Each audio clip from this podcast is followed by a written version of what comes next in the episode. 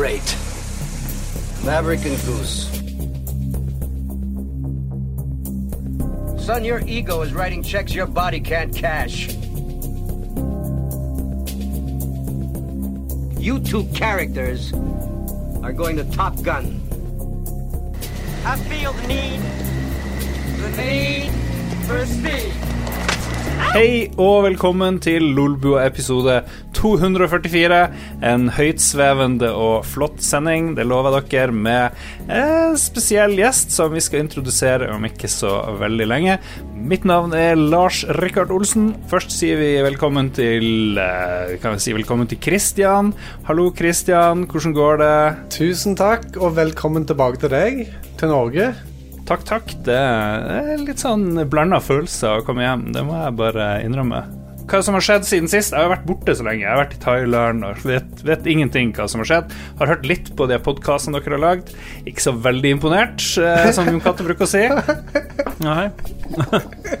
Nei, jeg kan jo, kan man se det. Så nå må vi sette, må vi sette standarden her. Eh, Jon Cato, for de som lurer på, han er i eh, Taipei, hovedstaden i Taiwan, får jeg høre fra sikre kilder av de som har vært i strøket. Eh, Han fikk vill matforgifting, gjorde han her om dagen. Så han lå og spydde og dreit i sånn fire, fem, seks timer. Dere, dere slapp det når dere var av gårde? Ingen som Ingen som ble dårlig i Thailand. Det er jo fantastisk. Taiwan number one, som uh, Sensei Saren sier Ja. i chatten her. Um, har du vært dårlig i det siste, Kristian? Nei, jeg har vært uh, frisk som en fisk. Okay. Så enkelt er det. Eh. Nei, jeg har ikke Nei. Du har ikke kjøpt noe Hvor mange TV har du kjøpt siden sist? Uh, Ingen, ingen nye TV-er, men uh, der skjer jo ting stadig vekk, så at jeg kommer tilbake til det litt seinere. Ok, ok, bra. Uh, vi har med oss Ståle, son of Alec Baldwin. Stemmer. Sånn. Ja, i dag mer son of uh, Hitler, men uh, det er greit. Prøv, er det med vilje du har sånn Eh, Hitler-sveis? en, eh, ja, det er et forsøk på å skremme pasientene. Kommer rett fra jobb. Så kommer jeg en kjempestreng, og så har jeg den sideskillen her, og så vurderer jeg å trimme barten enda litt sånn mindre under nesa der, så er det bare ut i bilen. Nei! ja, Nein! ja. Ja. Når de er, eh, det er jo mye gamle folk som trenger ambulanse, er det ikke det? Mye Jo, men de har gode følelser fra krigen, vet du. Så de har bare barndomsminnene kommet fram. Ja, du kommer med, kommer med litt Markens grøde av Knut Hamsun og begynner å lese og sånn her. Og, Høytlesning, ja. Jeg, jeg, jeg ser vår eh, enn så lenge hemmelige gjest rister på huet.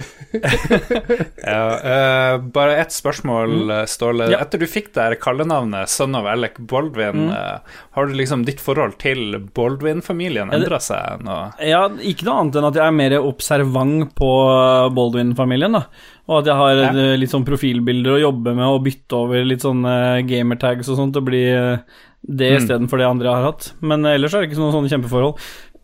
Ok, eh, vi kan jo si velkommen til Kosti Eriksen. Takk skal du ha, eh, takk skal du Vår ha. hemmelige gjest. Kosti, er det et ekte navn, eller er det noe du har funnet på sjøl? Det mm, Vel, jeg kan jo si det som så at uh, jeg har fått det forklart slik at Kosti er finsk forkortelse for Konstantin. Så kan jo dere velge om dere vil tro på det eller ikke. Ja, ja, Ja. men Jeg tenker alle eh, kompisene dine har dratt en eller annen gang der Hvor mye koster Ja, koster Altså, det er alltid noe sånt Hvor mye koster det? Ja, i funny, never heard before. eh. Mhm. Eh, og så, ja, selvfølgelig, Du har ikke vært gjest eh, hos oss før, Kosti? Nei. Er det første gang du er på noe podkast i det hele tatt? Det er eller? faktisk aller første gang i mitt liv jeg er på noen podkast. Jeg er flink ei, konsument av podcaster. Eh, liker å høre på spesielt vitenskapelige podcaster, og, og dere. Som Eh, Lolbua! Lolbua er meget vitenskapelig og metodisk. Hvordan kom du over Lolbua? Hva var det som eh, gjorde at du fant Lolbua? Eh, det Si husker jeg ikke. Jo da, jeg lette faktisk etter, etter noe med gaming på, på den eh, appen til, eh, til eh, Apple, og da dukka Lolbø opp som det første, faktisk. Nice. Bra. Og for de som hører litt sånn knirking, det er bare mikrofonen til Kosti som gnir seg mot Beklager, genseren. Beklager, altså. Jeg holder den litt ut, jeg. Altså mikrofon. Det var det Ståle òg sa. Ja. Jeg, kan, jeg har en, jeg har en quiz til Kristian Christian og Ståle. Hva Ja. har Indonesia, Malmö, Helsinki, Oslo, Kirkenes, Nannestad og Bodø til sammen? Eh, som felles, mener jeg. Du har vært på alle stedene. På ett år. Nei! Kosti har, vært, har hatt seg der. Kosti har- påstår Har bodd der. Kosti påstår han har bodd der Han, Facebook. han har ligget alle de stedene, det er jeg helt sikker på. Ja, det, det har vel skjedd. Ja, så det, er- det er imponerende. Er det, var det i kraft av arbeid, eller hva Nå må du Du gå du gjennom hele lista. du vet hva de sier, Kristian. Arbeid macht frei, og da er det jo bare Ja. Vi, kan jo først, vi kan jo først si at Kosti er fordi du er sånn fly, flyekspert og um, Hva det heter det? Flygeleder? Ja, jeg er flygeleder. Jeg er vel flyekspert, har vel kanskje tatt litt feil, men, eh, men at jeg jobber i det er som- operativ luftfart, det, det er helt korrekt. Ja, det er ingen som faktasjekker det her. Nei, si det nei, nei, sånn. nei, det, nei, nei. Her kan vi si hva vi vil. Og, og det har kommet, og vi skal snakke om flyspill i dag. Det skal Yes. gjøres. Det er liksom det er det. Men alle de byene jeg nevnte, hva, hva er felles der, da? Bortsett fra at du, du har hatt det der. Er det Skal, eh, skal våre andre to medlemmer av panelet svare, eller skal jeg, skal jeg si det bare? Nei, Du kan si det bare. Ok, nei, jeg har, jo, jeg har jo bodd på alle disse stedene, da. Eh, Jeg har levd litt sånn nomadisk livsstil, kan man vel si. Eh, Først så hadde jeg litt sånn utferdstrang etter at jeg bodde både i Finland og Norge. Så bodde jeg i Indonesia på Ok, det her kommer til å høres veldig merkelig ut, men jeg gikk på islamsk kampsportskole. jeg, tuller, jeg, jeg, tuller ikke. Det, det var liksom egentlig helt vanlig videregående, eh, bare at de ser på kristendom så lærte de islam. Og så var det liksom å få juling da annenhver dag før skolen begynte, annenhver dag etter skolen slutta. Så, så, så jeg fikk, eh, jeg fikk masse juling eh, mens jeg bodde der, og rektor på skolen kom bort til meg og sa en dag at Kosti, det er veldig koselig å ha deg her, og, og du har lært indonesisk veldig fort, men du er ikke så flink til å gi juling, men du er forferdelig flink til å ta imot. Så, Det er ålreit. ja, så jeg, jeg følte at vi ble buddies, da, med rektoren og jeg. Vi um, Jeg fikk spørsmål, fikk spørsmål om Pencha Silat. Det er helt korrekt, det var Pencha Silat de trente på skolen. Hvor, hvor lenge har du jobba som uh, flygeleder? En gang til. Hvor lenge har du jobba i den bransjen? Jeg ble ansatt i Avinor og begynte på opplæring høsten 2000. Og, og eh, ja, har holdt på med det siden det. Så jeg fikk sertifikat til sommeren 2002. Jeg var i militær i, i um, Harstad i 1994. Når Ja, den, eh, den greia slutta, så slutta den eh, til jul, og da hadde jeg på en måte ikke noe å gjøre. Og så så jeg i avisa at det var sånn eh, eh, Luftfartsverket, som det vel hette Ja, de, de søkte etter flygeledere. Mm. Om å stille opp på et hotell i Stavanger og, og ta noen tester. Sånt, Ja. og var der hele dagen og tok masse tester. Jeg tror de sa at det var De arrangerte dette på flere plasser i Norge samtidig. Og de tror det var sånn 1300-1400 deltakere. Og, sånt. og så ble jeg trukket ut blant de 120 eller sånt som fikk reise til Røyken og ta en del tester og greier Mm. Ja. der. Og eh, da til slutt, eh, når det var ferdig, så trakk de ut en 30 stykker, tror jeg. Da var ikke jeg en av de. Nei. Men eh, en, eh, en bekjent av meg var en av de som eh, som eh, faktisk eh, gikk videre.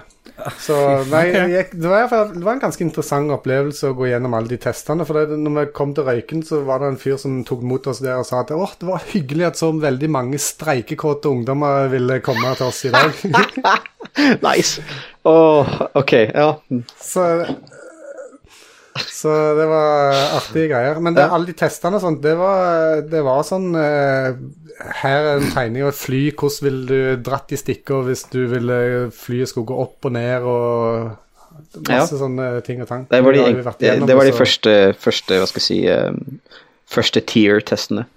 Ja. Mm. Og så var det masse tester som ble gjort samtidig som de spilte masse lyd og bråk, Ja. og så sa ja. de sånn bytt, bytt, og så skulle du jobbe med en annen oppgave, og så yep. bytt tilbake igjen, og så De skal sjekke Mm. multitaskinga di. Ja, jeg bruker litt, andre, litt annet opplegg på det nå, for å si sånn. Det der Ja, dette er er jo eh, Dette er jo snart 25 år siden. Ja. I dag er det fem fly, fly fær nå mot World Trade Center. Hva gjør du? Lars Rikard, vi, vi, vi tuller ikke så mye med det i bransjen. Vi drar hjem. Jeg skjønte at det var en strek her, og den måtte vi gå over så fort som bare, bare mulig. Ok, Kristian, ja, du kunne blitt flygeleder, Ja. du òg. Ja, tydeligvis var jeg ikke, eh, var jeg ikke god nok, da, så at jeg eh, Ja.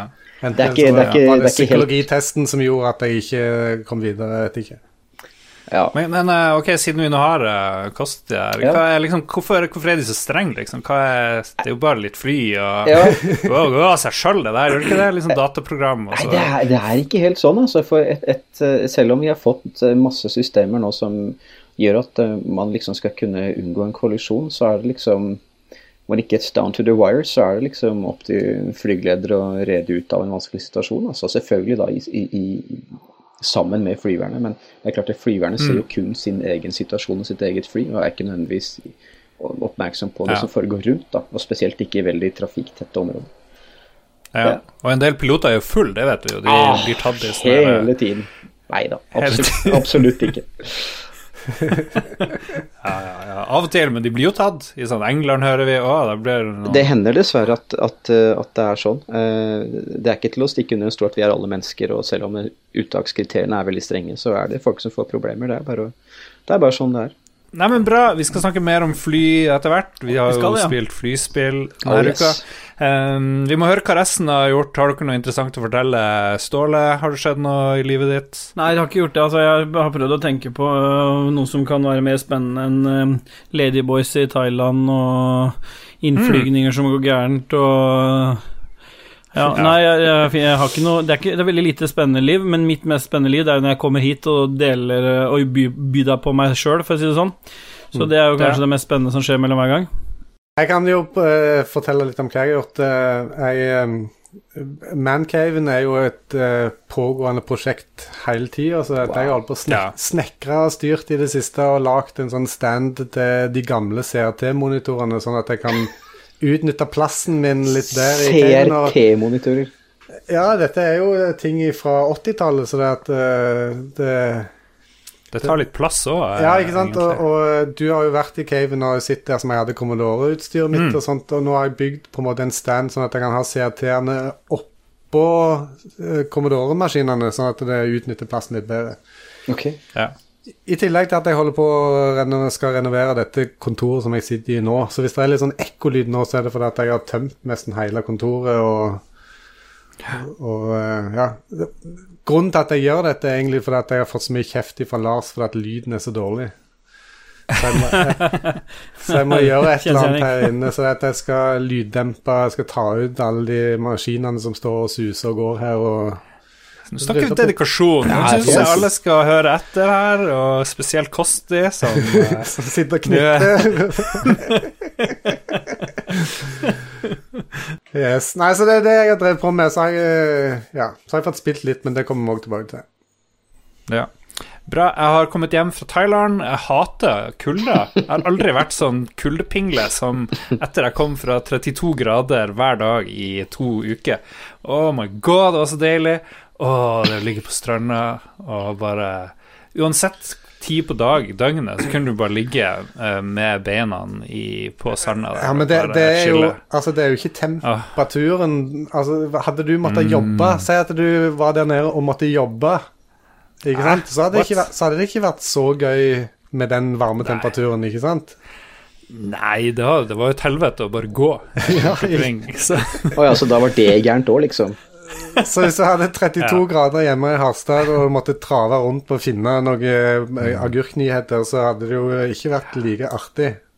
Ja, men du kunne liksom springe ned i havet hvis det ble litt for, eh, for varmt, da, selvfølgelig. Men, eh, men det her var jo kun de fire siste dagene. Før det så var du i der eh, verdens mest elendige plass, Pattaya, hvor ingen bør dra. Det er faen meg disgusting. Jesus lord. Men så var det jo en uke, i Bangkok, og selv om man ikke kunne ligge på stranda i Bangkok, så var det veldig, veldig deilig, det òg. Men ja, ja. Hør den kaotiske episoden Lolbua 243. Ladyboy eh, spesial. Anbefales. Ja. Nei, det, det, jeg har lyst til å dra tilbake på et vis. eh, I hvert fall der Yes. på slutten der. Mer, mer båt. Jeg, jeg, skal, jeg skal drive med sånn båtutleie i, eh, i Krabi. Altså, ble det ikke longtail på deg? Å nei, det er ikke en sexgreie. Hæ? Er det Nei, vi kjørte mer sånn eh, Ja, vi kjørte litt longtail. Det er de her båtene med de her lange, lange propellene som stikker langt bak, eh, som er litt smale. Men når vi var på sånn utflukt, så var det mer sånn her eh, litt moderne, litt kjappere. Ja, det går litt fortere, de her moderne båtene. Ja. Ja, ja, ja. ja. Vi tar en kjapp liten pause, tror jeg, og så skal vi prate litt om flyspill og flysimulatorer og eh, kanskje ekte fly òg. Vi får se.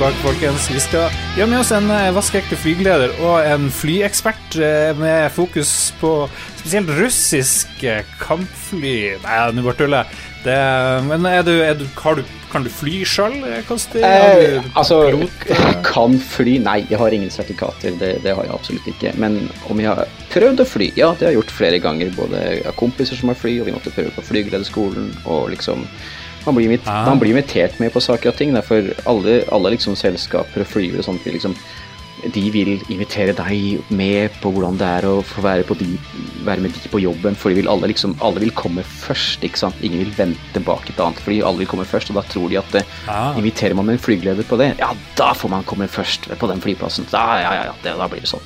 Så jeg har vært med, jeg har vært med på Ta kompisene først. ja, ikke sant? Jeg har vært med på alt fra ballongflyving til eh, sånn svensk Saab 105 eh, skolejagerfly, rett og slett. Og jeg har vært med å fløyet Orion, jeg har vært med ja, en, en hel masse har jeg fått prøve, faktisk. Det, det, det har jeg. Og det er kjempegøy hver gang. Alltid mye nytt å lære. Ok, La oss ta det først som sist. Eh, Favorittflyene våre. Kosti til slutt. Ok, Eh, Ståle, okay. har du noe, har du noe favorittfly, Ståle? Nei, vet du hva, jeg kan fortelle deg at eh, det har jeg ikke. Jeg er vel kanskje den som Nei, Ståle, vet? Ståle, Ståle. jeg skal, nei, men da skal jeg fortelle hvorfor jeg ikke har det. Jeg vokste opp Ja. med min mor, bare jeg og mor, mamma fram til vi var 10-11 år. Og det var stort sett jeg som smekka vepser og ordna med det meste. Men flyinteresse var det ingen som dytta på meg. Jeg har ikke hatt noen større søsken eller noe som helst. Så det Mm. Du har ikke sett, um, Men har ikke sett det- Iron Eagle eller Top Gun? Jo, jeg har eh, sk skumsett det, men det er ikke noe jeg Altså, det nærmeste jeg var å leke med fly, var liksom når du, du vet når du legger deg Da var jeg mye tynnere, da. Men du vet når du legger deg i badekaret, og så legger du liksom Du lar liksom snoppen flyte opp, og du begynner å lage sånne nære lyder. Da er det nærmeste jeg har vært å leke med fly. egentlig. Ok, ok, ok. Ja. ja. Ok, takk til deg. uh, Christian, eh, Det har du trenger, noe eh, det trenger vel ikke være noe kampfly, eller? Nei, nei, nei, det Nei. kan være hva som helst. For jeg, jeg, hvis jeg skulle valgt Jeg vet ikke, jeg. Min favoritt er et Boeing 777. Ok.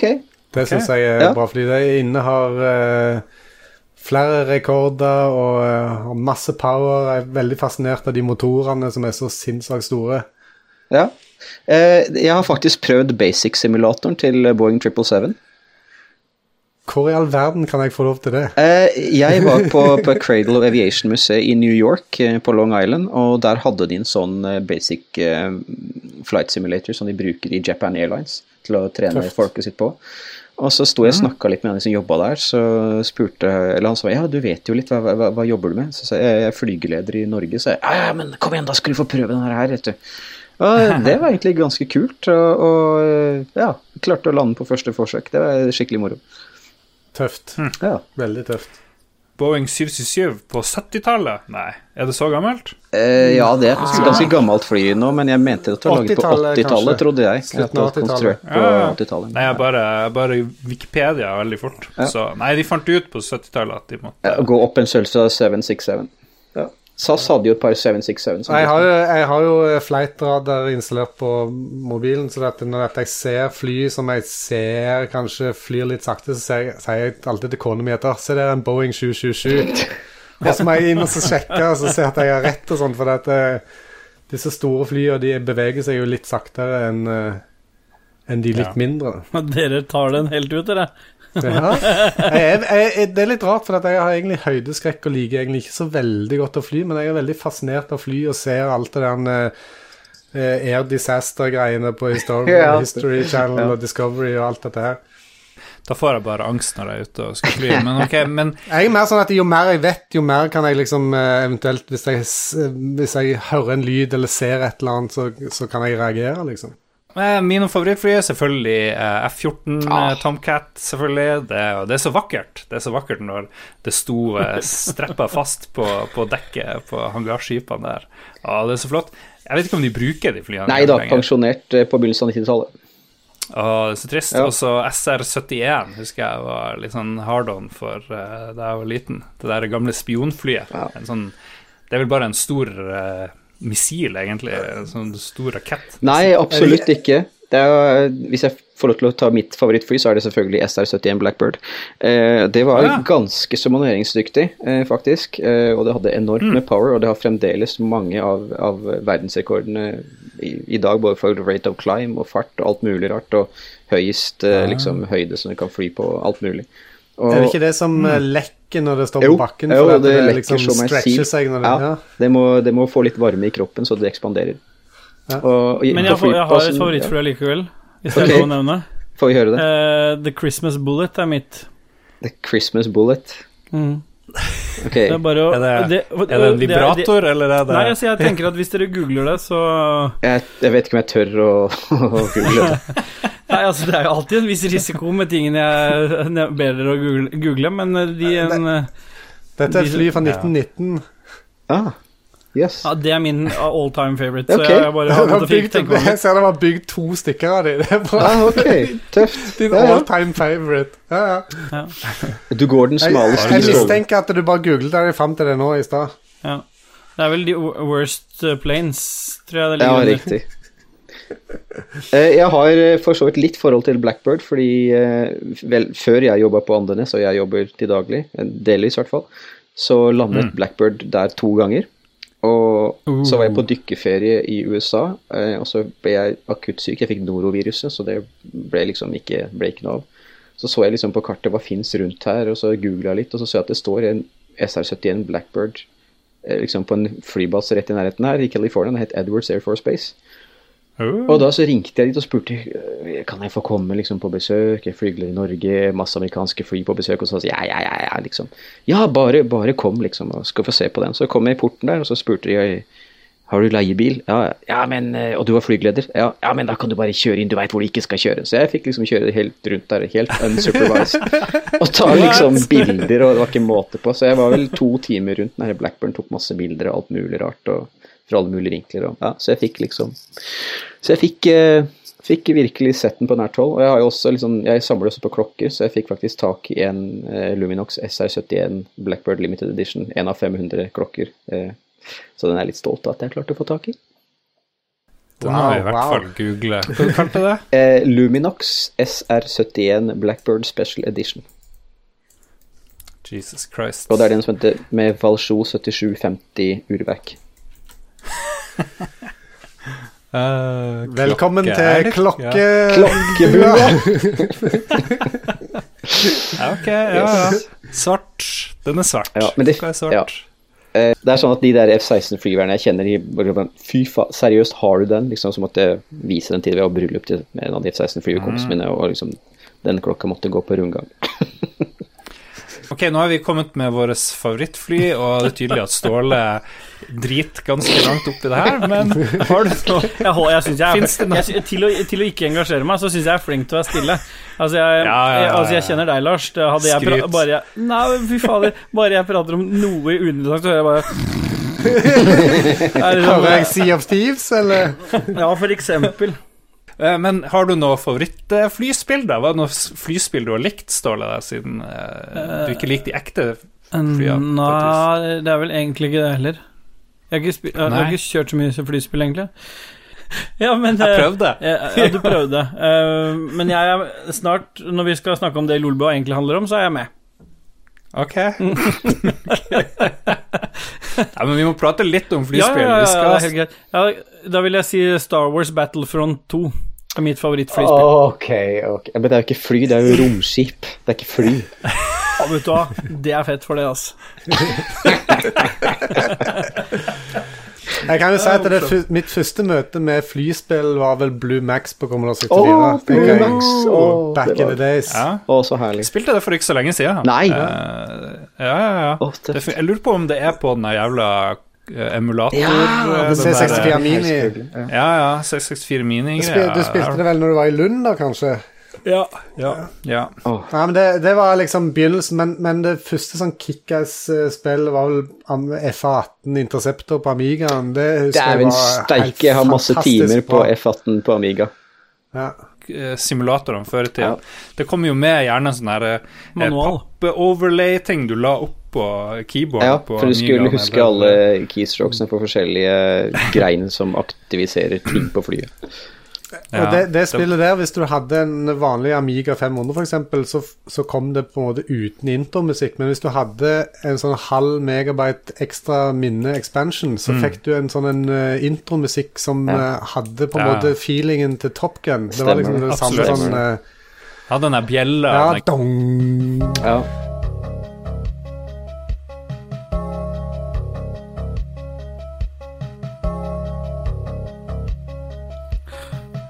Jeg hadde fatt den på frekvensen for ikke så lenge siden, faktisk, i, i november. Og når du sier frekvensen, så betyr det På flyplassen.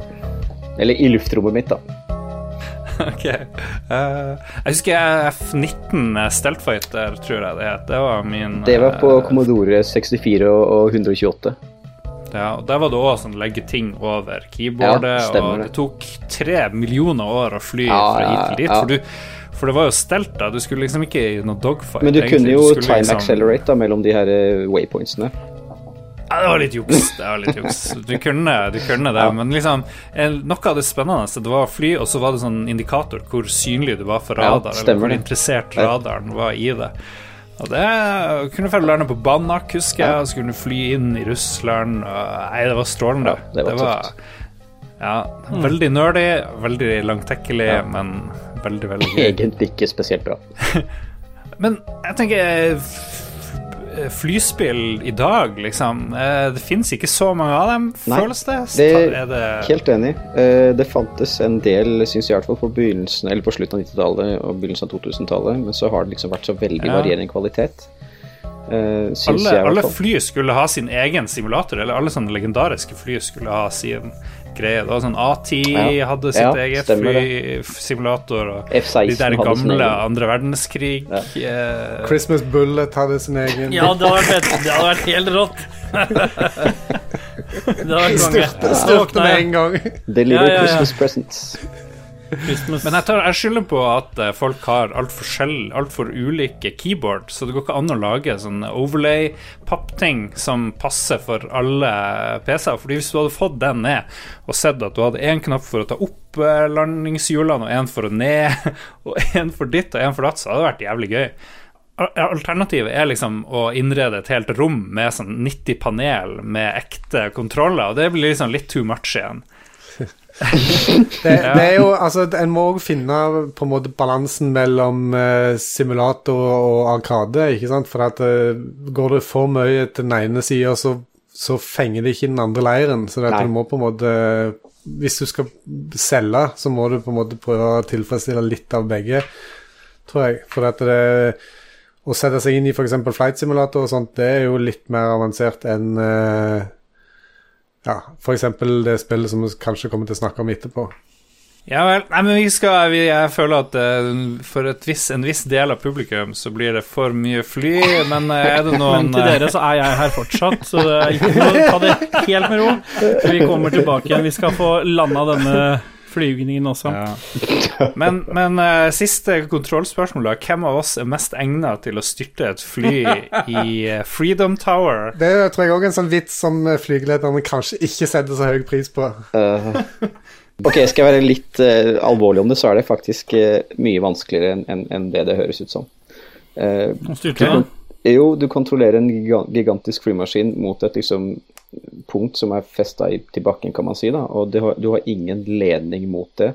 Eh, Du må liksom selv beregne hvor det er, litt, litt sånn på gut feeling, eller ganske godt på gut feeling, hvis det ikke er rett foran deg når du tar av i ruta, liksom. Um, Og så skal du faktisk treffe det her da med, med en gigantisk flymaskin som ikke er, er laget for å liksom fly på millimeterpresisjon på, på de høydene, for å si det på den måten, i, i de fartene. Så det er mye vanskeligere. timen eller mer. Så vi Ja, kan ja, konkludere ikke med at 9-11 faktisk var en god presta prestasjon, da. Ja, men De hadde jo gått eh, kurs, ikke sant? Veien, Ja. så de, de var ikke så interessert i landingsbiten. Nei. Nei, nei, men det var jo ganske vanskelig bare å treffe, ble det sagt. Ja. Altså, det jeg tenker Ja, at da, Sånn prestasjon i seg sjøl, terningkast seks eh. Altså selve handlingen er jo ikke så bra, da. Men vi Og jeg håper ingen av mine kollegaer hører på det. Flygeleder skryter Ja, av 9-11-pilotene. altså Hvis det er å komme på VG, VGs første i morgen, så kommer jeg og kaldkveler dere. Nei, men det er jo ingen som, uh, ingen som eh, på en måte glorifiserer Nei. handlingen i Nei. seg sjøl. Men, men eh, som du sier, så krever det nok litt ja. skills til å Det få det. til noe sånt. Det gjør det, helt klart. Nå syns jeg vi skal spille musikken fra Ace 2. Å, herregud. Seriøst? Ja. Air Combat Emulator. Spill noe Sea of Thieves etterpå, da. Hysj, da.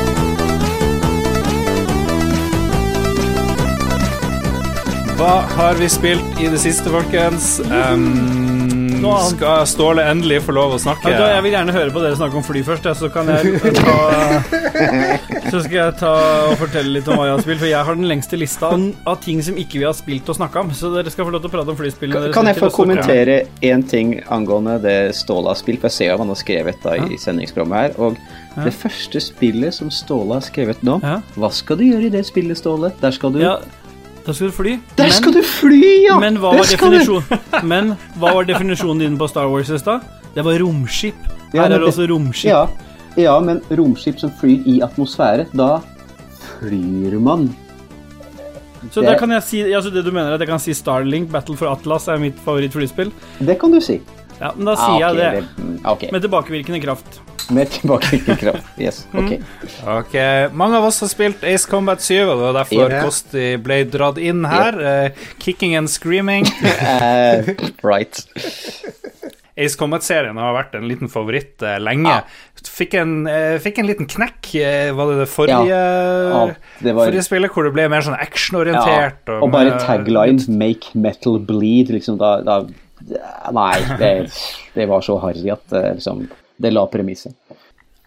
Det er i hvert fall greia er, og nå er den jo tilbake, serien tilbake der den skal være, og da er det cheesy musikk. Yes. Veldig cheesy handling. Yes. Eh, store, store eh, kamper hvor du har ca. 100 missiler eh, på flyet ditt. Totalt urealistisk, men veldig, veldig gøy. Ja. Eh, og du kan bruke de samme missilene ofte både til land og vann og i lufta og alt mulig, og du har ubegrensa kule i, I eh, i, i, gunneren. Og du kan velge mellom eh, A10 tankkiller til eh, sånn her eh, fantasifly sånn litt inn i fremtida. Sånn Ja. eh, Det kunne lett vært det som er på tegnebordet til de som produserer jagerfly, for å si det sånn.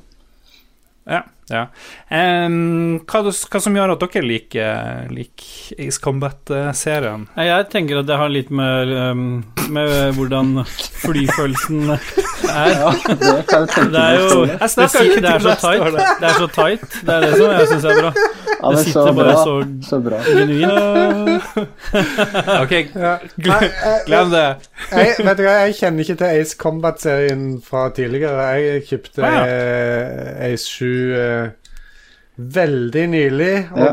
panikk, spilte litt tidligere i dag for å liksom eh, se, få en fil av det. Så har jeg spilt eh, tre, Nå gikk, nå gikk tre, tre, tre missions eller noe sånt. Ja, nå Ja. forlot han rommet. så, men jeg, jeg syns det var artig, og jeg, jeg kommer absolutt til å fortsette å spille Jeg, Jeg føler ikke jeg har fått valuta for pengene ennå, men eh, Jeg har spilt alle Ace Combat-spill, til og med det dårlige, som jeg har fortrengt. Eh, For meg så Ja. er det her med cutscenen eh, det er litt sånn spesielt, for du får sånn forskjellige synspunkter i de cutscenene, liksom fra begge sider av de som skyter på hverandre. da, og så prøver de å gi det litt sånn, der, eh, sånn tøff spinn, som de prøver å legge inn litt sånn der menneskelighet inn i det. Det er ikke alltid det funker, men det er veldig Ace Combat. og Ja, jeg ja. syns liksom åpningssekvensen i denne Ace Combaten som kom nå, da, den er, den er ganske kul. Eh, og den er litt, litt sånn norskrelatert, i og med at de får en gammel F-104 på vingene. Hvilket faktisk entusiaster i landet vårt holder på med nå, samtidig. Yes. Får bare håpe de ikke blir skutt ned da, Ja, det, det, på jomfruturen. Det, det tviler jeg litt på. Men, eh, men den, eh, den er eh, jeg, jeg, jeg liker Ace Combat nå. Det er egentlig en, en del kule små detaljer i det som jeg ikke vet om alle har lagt merke til, men de kan kanskje ta det litt senere. Men du som er flygeleder, som Ja. på en måte lever, lever av å holde fly i lufta, hvordan er det for deg å på en måte være in charge over å få de til å dette ned igjen? Holdt jeg på å si. Du, du klarer å detache deg fra det? Jeg liksom, har er ingen problem. problem med det. Eh, vanligvis så holder jo, er jobben min her dreier seg om å holde fly fra hverandre, men i, i det spillet her så skal jeg lede fly mot hverandre, og ja. Og så skal det gå som det går, men eh, ingen problem med det. Men for, for eksempel det som er litt kult, da, de har jo lagt en del eh, nye detaljer til som ikke, som ikke har, har vært med i Combat før, da, som ja, både sånn realistisk eh, sett, uten at det realisme har noe med det her å gjøre, men i hvert fall så ting ser realistisk ut, da. Eh, Ja. Så blant annet så har de lagt til at når du, når du flyr gjennom en regnsky, da, så, så, så, så kommer liksom vann på cockpit-glasset, og det som, som streamer bakover. Og så hvis du stiger litt fort da, sånn til ganske høye høyder, så fryser det til is. Og litt sånne Ja. ting har de, har de Ja, lagt på. ja. Og hvis du flyr under en type skyer som heter CB, kaller det, står for cumulonimbus, og det er sånn type sånne tordenskyer. Så hvis du flyr under de, så opplever du turbulens, da begynner det liksom å Da ramler de i ja, riktig. Og det, liksom, det vil du oppleve i virkeligheten også. På noen mennesker så blir du liksom blåst Ja. Sinnssykt av kurs. Ja. Er, det, er det realistisk? Nei, Liksom at, det eh, blir for mye av det gode, men at man merker at det, altså, det, det hender godt at hvis det, er, hvis det er masse sidevind i forhold til den retningen du skal fly, så, så tracker man av kurs, som det kalles da. Så, så da må man liksom kompensere for det, så må man legge opp en vinkel mot vinden, slik at du flyr liksom rett bortover likevel, mens nesa di peker inn mot vinden. Og noen ganger så er det flygeleder som tar ansvar for det, spesielt hvis da flyet er under radarledning. Eh, når flyet ikke er det, så er det flyveren selv som må ta ansvar for det. Så ja. Sånn funker. Så, den, så den biten er litt realistisk, men det er kanskje litt vel mye i, i, det, i SK7, da, kan man si. Den, er, den historien er, begynner å gå meg litt på nervene. Det er jo en, det er veldig mye cutscenes, og det er veldig sånn her eh, touchy-feely, og det er jævlig det Men jeg syns Det er sikkert fordi jeg blir litt for gammel, eller litt eldre, men jeg syns det var lettere å svelge den der historien før, på et vis. Nei, Jeg skal vel si meg helt enig. Jeg har ikke hoppet over noen cutscenes, men jeg kan ikke si hva som har skjedd. Nei, det er samme Spesielt her. Men jeg, jeg var liksom litt sånn eh, Jeg skulle prøve å få, få inn så mye spilling som mulig før vi skulle ta opp dette her. Og så måtte jeg liksom Ja. pine meg gjennom de der cutscenesa. Men uh, det, det er sikkert mange som syns det med historie og sånt er veldig viktig Ja. Når det er et uh, spiller. Ja. Um, så kan vi jo nevne at uh, grafikken er ganske superbra. Syns det er ganske smooth. Har dere prøvd i VR, gutta? Nei. Nei, er du? det, altså, det var faktisk sinnssykt kult, og det de har fått til veldig bra, er liksom hvor trang en jagerflycockpit er. Det har de vært sinnssykt flinke til. Oh, ja. Så det føles faktisk eh, Jeg har sittet i et par jagerflycockpiter bare for å, bare for å få liksom følelsen og, og få se litt, og det føles ganske likt. Det er liksom virkelig trangt om plassen, altså. Du må nesten ut av cockpit for å bytte mening. På, på Xboxen så kan du jo Det, det kan du sikkert på alle plattformene, men du kan jo snu deg rundt og sånt. Men jeg Ja. synes det var litt det, det skjer så fort, liksom, at det, det, Jeg føler ikke at jeg har noe nytte av det, liksom. Eh, Det som er litt kult når, i VR, er at når du Altså når du svinger med jagerfly, så først så, så legger du liksom flyet litt over på siden, og så trekker du litt i stikka, ikke sant, så du, Ja. du, du gir det er høy, høyderoret Ja. liksom som svinger, i forhold til Eller i motsetning da, til et passasjerfly hvor, hvor liksom Ja, det funker litt annerledes. Men, men, men da, da ser du liksom, når du har på VR-headsetet, så ser du liksom inn i svingen den, den retningen du faktisk svinger. Og, og Ja, det er akkurat som å kjøre motorsykkel. Du skal se den retningen du skal. Riktig. Ikke riktig. Og, og det, er, det, det var sinnssykt kult å, å erfare på, i Ace Combat 7, syns jeg. da. Dette er veldig farlig for meg, vet du. For at nå er, jeg sitter jo på en mancave med tre Xbox uh, X, og dette er sånn at det frister liksom med en PlayStation eh, 4 Pro. For det at Skal jeg, skal jeg gjøre det enda litt vanskeligere? Du får liksom oppleve hangarskipavgang mens du liksom sitter i VR og får med Altså, det, det var magisk å oppleve, faktisk. Og det er lenge siden jeg har følt sånn, sånn samme type magi i et spill som akkurat det. Eh, Hvor liksom de, de drar flyet ut, setter det fast i Bryden, som det heter, og så kommer liksom veggen opp bak det, og så da går det over hangarskipdekket. Det var sinnssykt fett. Ja, det virker som at det blir mindre klær og sånt på ungen framover. Jeg må bruke pengene mine på andre viktigere ting. Problemet med VR er vel at eh, VR-versjonen er at det er ganske få missions. Ja, enn så lenge. Det er helt riktig, og, og det er det jeg har utsatt det på, akkurat, akkurat det. Ja. Ellers var det ganske kult å gjøre air-to-air refueling i VR. Eh, det var litt stilig. Og liksom, du ser opp på det store tankflyet, og boomen kommer ned mot deg. Liksom, og det, var, det var ganske kult. Ja, det, jeg vet ikke om det var eh, Når jeg fikk den der air-to-air refueling-greia, så måtte jeg bare på en måte sikte inn, og de siste 20 meterne tok han bare Ja, dette var kjempebra, nå tar vi resten, Ja. liksom. Og så fikk du ikke gjøre det Du fikk ikke connecta sjøl, liksom. Nei, nei, det får du liksom ikke i virkeligheten heller. Så det, det eh, Ja. ja. Men jeg, jeg syns det var veldig kult, i hvert fall da. Å se- opp, liksom, så ser du svære tankfly, og du flyr liksom centimeter unna deg omtrent. Du følte du var der. Ja, faktisk. Jeg fikk den Ja. følelsen. Ja. Ja, kult. Uh, vi må snakke, kan, Gidder dere snakke mer om fly? Jeg tror det er tre som ikke har sovnet. Det er ikke jeg som har skrevet det. Det er Ståle som skriver det. fuck. Nei, vet. Fuck. Hvordan, Fuck kan man, alle de hvordan kan man ikke være interessert i fly? Jeg forstår det ikke. Jeg har aldri forstått det. Jeg er helt enig. Uh, Ace Combat 7, det siste jeg kan nevne også, det er sånn en, Et kjennetegn med serien er litt sånn uh, urealistisk teknologi. Sånne gigantiske ting. Ja, lufta. eh, sånn som de har lagd Her har de en sånn rom Space Elevator, har de, men Ja. de har også noe som heter Arsenal Bird, Yep. som er sånne sinnssyke sånne 100 meter brede fly med 40 propeller og sånn, som flyr. Veldig inspirert av sånne Gale-Mathias-planer tyskere Ja. hadde under andre verdenskrig, tenker jeg. Ja, ja, ja. Eh, ja.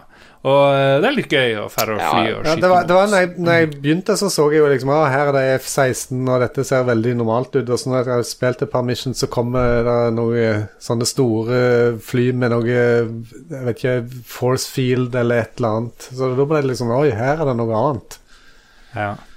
Um, jeg er på mission 16, tror jeg, noe sånt. Jeg regner med jeg driver og går mot slutten. Uh, jeg, på en måte så gleder jeg meg til at uh, spillet er ferdig, for da kan jeg begynne med multiplayer-delen. Er det noen som har prøvd det? Nei, ikke ennå. Jeg er alltid sånn Nei. som at jeg skal spille singleplayer campaign, og så skal jeg liksom spille multiplayer. Det er sånn, Jeg må få maks ut av spillet jeg kjøper, føler jeg, når jeg skal gjøre sånne ting.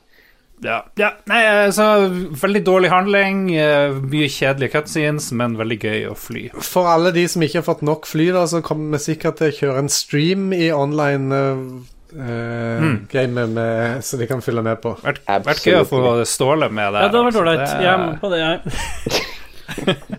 Ok, Er det noe mer å si om Ace Combat 7? Det er fett. Det ruller, ass. Eh, Kan jeg bare få si en liten ting? Eh, Det, det at de har sånn litt sånn rolle... Selvsagt. Eh, De har sånn rollespillaspekt med at du liksom kan oppgradere flyene med litt saker og ting, og det er kult at de har fått med, syns jeg. Eh, For jagerfly kommer i virkeligheten med liksom oppgraderingskit etter hvert som de blir eldre. F-16 blant annet har jo massevis av de, og, og så relanserer man flyet til salg i ny versjon, og, og, og med liksom enkelte oppgraderinger eller masse oppgraderinger og bla, bla, bla. Så, så akkurat det er liksom litt sånn rollespillaktig, men samtidig litt realistisk, og det er gøy. Vi har spilt andre ting. Ja, vi har det. Skal vi uh, Ja. Skal vi Ståle, vær så god. Du har spilt flyspill, du òg. Du, da har, jeg, har, jeg har spilt Nei, det Ja. trenger ikke så lang tid. Jeg har spilt flyspill, jeg også. Jeg har spilt, eh, prøvd å være litt sånn eh, oppdatert. Da. Prøvd å gjøre ting vi ikke har snakka om. Så jeg har både spilt Så nå begynner jeg begynner jeg å jekke ølen, ja. Eh, Jeg har spilt både Starlink, Battle for Atlas, på min Switch. Jeg har spilt uh, Super Mario Bros. Deluxe på Switch. Jeg har spilt Life is Strange 2 episode 1. Men allikevel så tenker jeg at det kan være greit å prate litt om uh, Anthem, såkalt Yes. VIP-demo. Og det er der det det er vel der det kommer inn at jeg har flydd litt, for der kan du fly. På sånn, så, sånn måte som det er kult å fly. Og du, inviter, du inviterte oss jo til å være med deg og spille Ja, du, jeg her i går, og så ble vi så skuffa når du plutselig ikke kunne innfri. Ja, Men uh, du er ikke den eneste som føler at ikke jeg innfrir, så det skal du ikke tenke så mye på, Christian.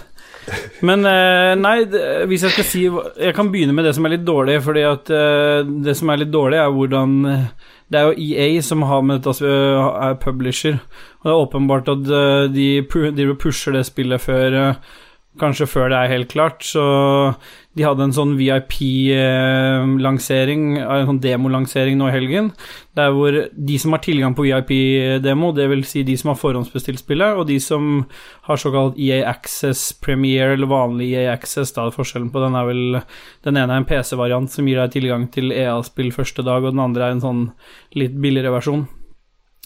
Men Ja, ja. det er måten å få tilgang på. Klokka seks på fredag skulle alle få tilgang. Og det er jo en VIP-demo, så de vet jo hvor potensielt mange de skal ha tilgang til, hvor mange de skal slippe inn, for det har de jo det har de jo ut ifra hva de har solgt av forhåndsbestillinger osv., men det funka jo ikke. Så først lørdag morgen så var de serverne noenlunde oppe og gikk, og som vanlig var jo Xbox den store taperen av serverproblematikk. serverproblematikk. Så det mm, Så først lørdag var det mulig, og aldri fikk man, eh, vi på Xbox, i hvert fall mulighet til å gi bort de tre såkalte vennekodene vi skulle få lov til, for det sto det bare Ja. at de la ned, så mm, Det var der vi skulle få lov å komme inn. det var der dere skulle få lov til å komme inn, men eh, da, fikk jeg, da testa jeg på egen hånd. Vi var en god gjeng som fikk testa, så jeg har fått testa det både alene og i såkalt coop, som det spillet er mest laget for. Og sett bort ifra litt mye Ja, først litt tull for å komme inn, og så, når du først kom inn, så er det jo vært det mest Den verste beta servermessig jeg har testa.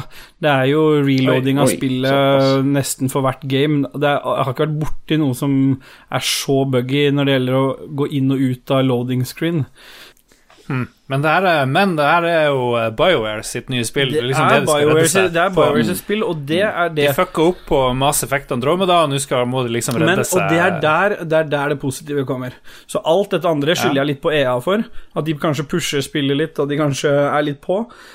Og når det er sagt, når du først kommer inn i den verden som Anthem er, så har jeg lenge siden jeg har vært så frelst av et spill som jeg har vært Anthem.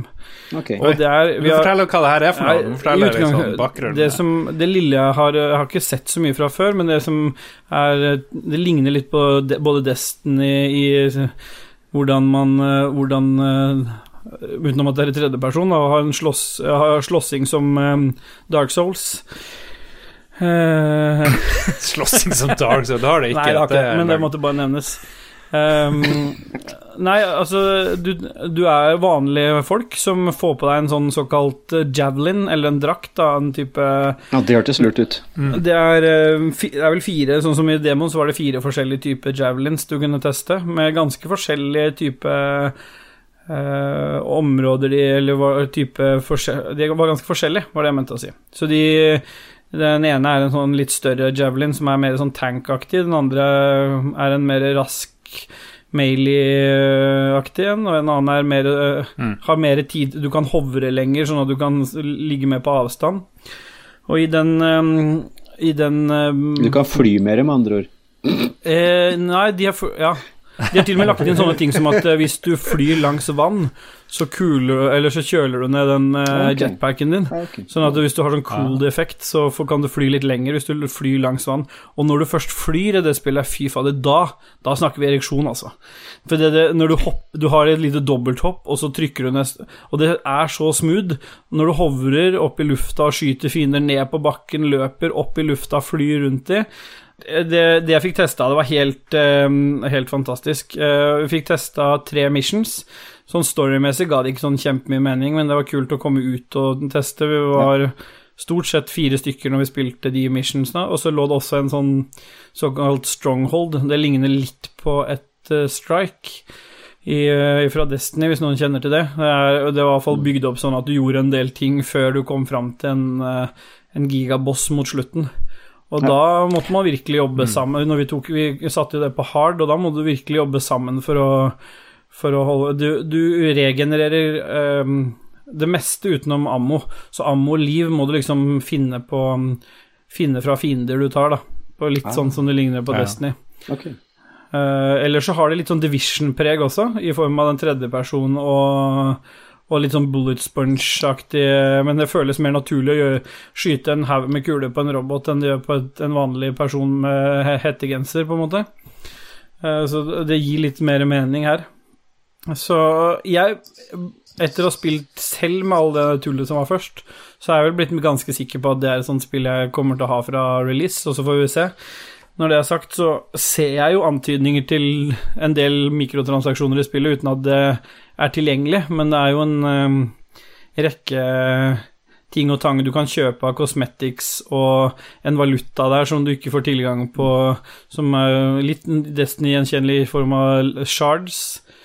Som, ikke, som ikke vi fikk noe i betaen, da fikk du bare coins, så jeg kan litt se for meg at det kanskje er noen mikro, Der igjen er det vel EA som pusher litt, så vi får se, se hvor mye mikrotransaksjonstull det er. Men uh, spillet isolert sett uh, leverer veldig bra. Så neste helg så er det den første til tredje, så er det en sånn open beta for det spillet.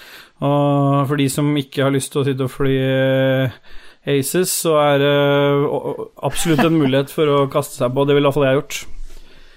Ja, jeg tok faktisk og lasta ned den jævla driten ja. i dag, for jeg betalte for sånn her EA ja. Origin 200 kroner i år. Oh, for ett år. Et år ja. Du kunne bare tatt en måned for 33 kroner, men Nei, men fuck, det kjører på. Ja. 200 kroner, det har vi råd til. Uh, for en tjeneste jeg sikkert aldri blir å bruke. Nei, nei, det er, det er sannsynligvis ikke. Jeg pleier bare å ta en måned for, av gangen jeg, for å få ta tilgang på sånne ting som det her. Men det er mest for å ha testa ja. det ut minner veldig om uh, Destiny på et vis. Mm. Det eneste missionet jeg gjorde, det var at du måtte springe til to plasser i jungelen mm.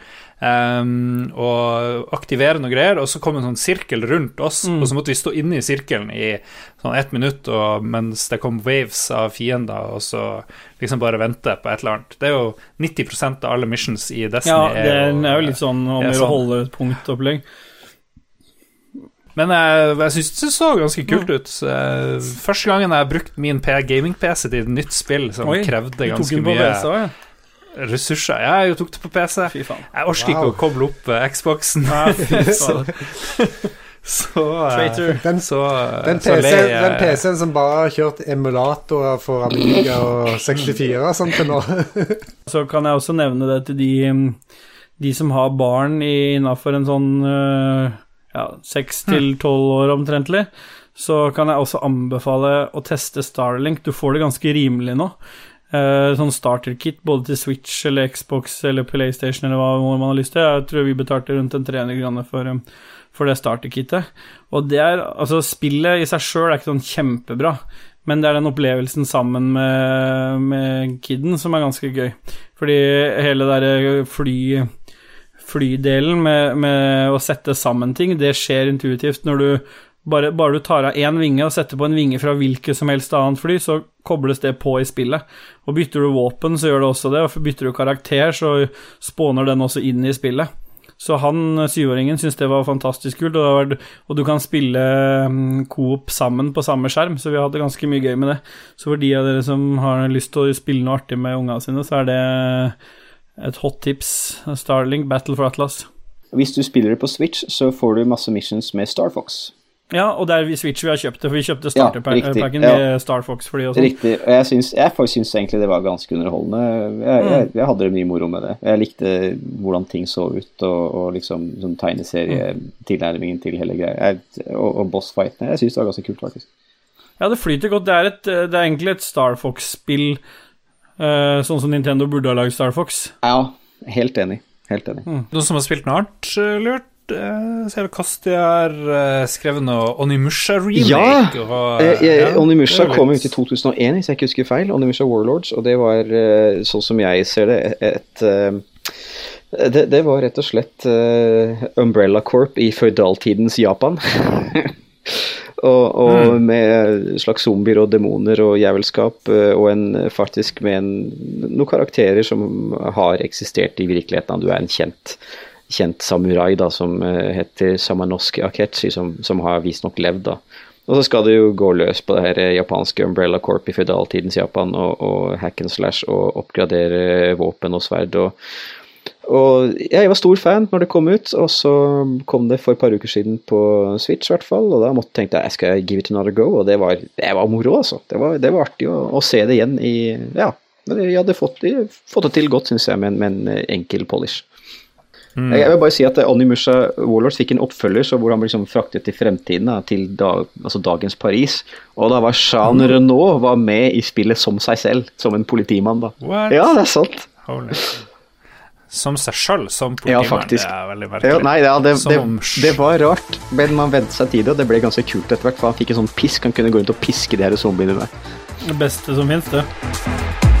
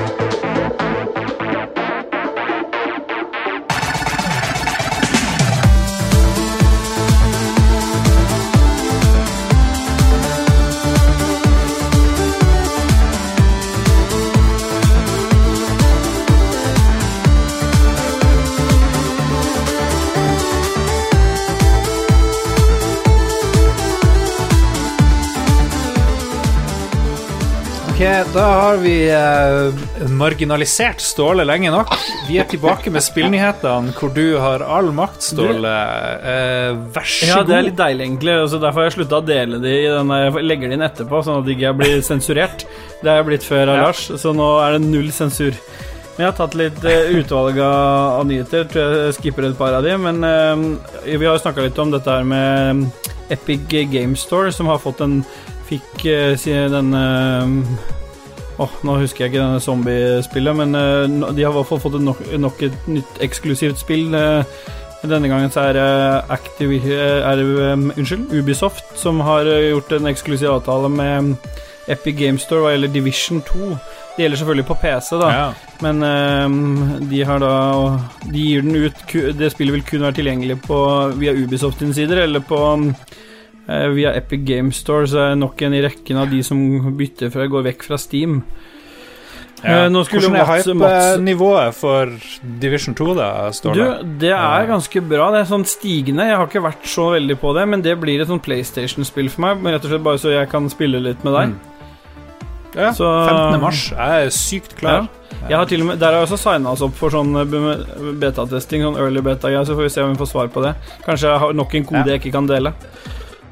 Så har jeg en uh, litt uh, tristere nyhet for de Nintendo-fansene som har venta at Metroid Prime kommer 4 kommer ut i år. For der har akkurat Nintendo gitt beskjed om at uh, det, det de har jobba på så langt, ikke har holdt mål i det hele tatt. Um, Og Da. egentlig starta hele, hele greia på nytt. De har bare trykka delete på det de har lagd, og gitt bytta, bytta studio over til noe som heter Retro Studios, som for øvrig var de som har lagd de tidligere Prime-spillene. Så, sånn som ut, Ja, så det er de som har Jeg fikk ikke med meg. Jeg har ikke, jeg har ikke hørt det Nei, før du sier det nå. Nei, det er, kom, det er, en, det er en såkalt uh, lynfersk, eller hva heter det for noe? Fersk nyhet. Blodfersk. Så da Ja. noe Da blir det ikke noe Metroid Prime 4 i år for de som hadde håpa på det. Det ble jo teasa for to år siden, så det er vel mange som hadde tenkt at det nærma seg. Men angivelig så holdt ikke det de har lagd. Det har jo vært litt sånn usikkert hvem som har jobba på det. Det har jo gått litt rykter om Bandai Namco som har hatt uh, jobben, men uh, det er altså gitt videre til Retro Studios. Og siste sånn spillrelatert nyhet, det er jo selvfølgelig at Krillbite sitt Among the Sleep kommer til Nintendo Switch i 2019. Det måtte jeg bare ta med. Det er kontraktsgreier. Bundet opp mot det. Men uh, i, den, i den forbindelse så vil jeg gå videre med noen nyheter som kan være morsomme å diskutere, for der har jeg fått uh, en sånn liste, og der har jeg en sånn um, Det jeg kaller Dag Thomas' hjørne. Ja. Mm, for han um, Han kunne dessverre ikke være med, men han har likevel sendt en bunch av nyheter som interesserer han og hans uh, spillinteresserte hode. Eh, første nyhet eh, han har sendt meg der, er eh, om såkalte såkalt hermitkrabben, eller hermit crabs, som nå har har fått eh, Evolusjonen har gitt de lengre penis, sånn at de kan unngå å bli frastjålet skjellene sine når de parer seg. Jeg vil si at de, de tar, Disse um, crabsa tar jo skjell fra havbunnen, og tidligere så har det et problem når de parer seg med andre, at de må legge fra seg skjellene for å komme til, og da blir skjellene frastjålet, og så mister de litt ære. Og nå har evolusjonen tatt overhånd og gitt de større penis. Jeg er så glad for at eh, dette endelig tas opp. Dette er et Ja. viktig spørsmål eh, på havets bunn. Som, som Jeg vet ikke hva dere tenker om hermit, uh, hermit crabs, men uh, jeg Eremittkrep hvis- på norsk. Ja, eremitt, ja. Og der tenker jeg at eremittkreps, ja. Og der tenker jeg at vi har Tenk hvis evolusjonen kunne gjeldt oss på samme måte. Altså, og der kan jeg bruke meg selv som et eksempel. Jeg er jo ganske overvektig, og tenker at det er rart ikke noe har skjedd for at jeg skal komme til bedre. Jeg tenker at Der har evolusjonen svikta meg, i hvert fall. Eh, jeg, Eh, jeg går Men sa du at det her var spillrelatert? Nei, dette er ikke spillrelatert, men det er Nei, Dag Thomas sin. Dette er Dag Thomas sitt hjørne. Det er Dag Dag Thomas sitt hjørne, så jeg bare fortsetter videre. Eh, Det er også eh, Heinz lanserer nå en litt mer eksklusiv ketsjup, såkalt Heinz kaviar-ketsjup. Eh, den, er, den er Det er ikke fiskerogn, men den er designa som fiskerogn. Eh, så google that shit. Eh, For mer, de som ber om ketsjup på eksklusive restauranter, har nå en mulighet til å få det. Det er da små ketsjupkuler. Det ser ut som fiskerogn, men det er altså ketsjup. Såkalt Heinz ketchup caviar, heter det. Ah. Det er lov å kommentere disse nyhetene underveis. Jeg vet ikke hva dere tenker om Ja, Heinz. du googles det jo. Jeg blir Heinz- litt målløs, det beklager jeg. Ja. Um, jeg ruller videre med en, en, nok en nyhet fra Ice. Oi, men du ser det bildet. Det, er jo, det ser ut Det som ser ut som Det rogn. ser ut som Ja, det er jo mye større. Ja. Det ser ut som Men, tyttebær. ja, det ser ut som litt sånn tyttebær. Men det er altså ikke noe med fisk i det hele tatt. Det bare heter kaviar fordi det er forma til litt russisk kaviar. Og så er det kun det ser jo ikke Kaviar er jo ikke så stor som klinkekuler, liksom. Det er ikke klinkekuler. Dette er, det er jo, det er jo Elefantkaviar. Elefantkaviar. Fy faen. Se se kosti. Men det står at det er bare 150 sånne jars de skal lage. Ja. De lager bare 150 Til de mest eksklusive restaurantene. Så nå kan du da altså be om ketsjup på disse restaurantene. Ja. Det er jo, hvem gidder det? Moving on, Ikke vær negativ nå, Lars. Dette er nyhet Du ba om ikke bare spillrelaterte nyheter, og det får du. Jeg videre- angrer allerede. Hæ? Du angrer allerede. Videre så har eh, Dag Thomas også sendt meg en nyhet om eh, produsenten Iceland, eller Iceland, ja. Den matvareprodusenten som har Som hadde, fått, hadde, hadde som mål om å kutte ut all palmeolje fra produktene sine innen, en, innen slutten av 2018, men eh, det rakk de dessverre ikke å få til. De klarte ikke å endre oppskriftene på bl.a. Millionaires Cheesecake og Hva står det for noe? Sticky Toffee. Eh, Det de gjorde isteden for å ta bort eh, palmeolje, det var å ta bort Iceland-logoen fra matvarene. Så, det vil si, så pakkene så helt like ut, men navnet på produsenten ble fjerna istedenfor um, for eh, innholdet av palmeolje. Så det var måten å lure seg unna det på. Og, ja, dere kan godt gi ternekast på disse nyhetene til Dag Thomas, altså. Eh, det Ja. blir, det blir Kan hva du gir ternekast på den siste? Eh, Det, altså Den siste nyheten syns jeg det er sånn typisk sånn der, du ser i Aviation når, eh, når liksom eh, slipsnissen og blårussen har lyst til å, å kutte kost. Da. Spesielt liksom var en amerikansk var en amerikansk eh, airliner da, som, som eh, hvor gikk innom. Jeg liker at du drar det inn på Ja, fly. ja, selvfølgelig. Det er derfor ja, men det er derfor jeg er her. Det er derfor ja, jeg er her. ja, men jeg får kjeft for å snakke om sex hele tiden. Jeg trodde det var derfor jeg var her. Ja. Eh, Ok, ja ja. Men Men Kosti òg er her fordi han har ligget med damer i 13-15 land eller et eller annet. Ja, det var det. Nei. det Ja, for kona mi kjenner du kjensel på navnet ditt, skjønner du. Men, men, men uansett, altså, så er det sånn blåre som så på det her, eh, så på det her eh, hvor mye man bruker utstyr på fly, og hva det kosta. Så var det en som sa, så sa han Se her, her, LDG. Det liksom brukes bare to ganger i, i løpet av en hel flyving. Det kan vi jo kutte ut. Det, det trenger vi ikke. Vi kan få noe annet til å bruke, eller få annet til å gjøre den samme oppgaven. Det er bare at eh, LDG, det er landing gear, altså hjula på flyet. Så liksom Kjente meg litt igjen da i den, den, det der eksempelet med Iceland, eller hva det nå het. Ja. Ja, altså fjerna, fjerna ikke palmeolje, de bare fjerna navnet på produsenten isteden. Riktig. Det er, det, er så, Ja. det er sånne løsninger som management og økonomene gjerne foreslår. Vi eh, tar og avslutter. Nei. Er det ikke ferdig? nei, for faen, jeg har masse. Gi meg litt tid, da. Dere har snakka om fly i gud veit hvor lenge. Neste er eh, oh, sørkoreanske foreldre som eh, har nå begynt å leie inn eh, muskulære, tatoverte menn til å posere i nærheten av barna sine for at de ikke skal bli mobba på skolen. Eh, Dette også, Alle disse sakene kan jeg linke dere. Eh, Det er tydeligvis et problem med mobbing, så det det- mange av de litt mer velstående sørkoreanerne har leie, leier inn da litt muskuløse, tatoverte menn som står i nærheten av barna, og da kalles for Dette er jo ikke en nyhet. Nei, men dette er verdensnyhet. Dette er noe som har skjedd én Ja. gang. Nei, dette er Jeg skal sende deg linken. Videre så er det en, eh, en litt trist sak fra London River, der det er en del um, Det er såpass mye kokain i, i vannet at um, disse um, Hva står for noe? Skal vi se her Uh, Er det, det må være kreps, eller hva du snakket om i is stad? causing some eels, altså ålene i London Famous River, eh, Themsen, til å bli hyperaktive. Ja, kommer de opp av vann og raner folk, eller? For Ja, altså Det er bilder av hvordan Nei, altså de, ja, de raner ikke, men det går, eh, det går ikke godt for seg, for å si det sånn. De kommer opp av vannet, og så rambler de bare De- og snakker De masse. rambler. Wow. De, de kjøper og selger aksjer.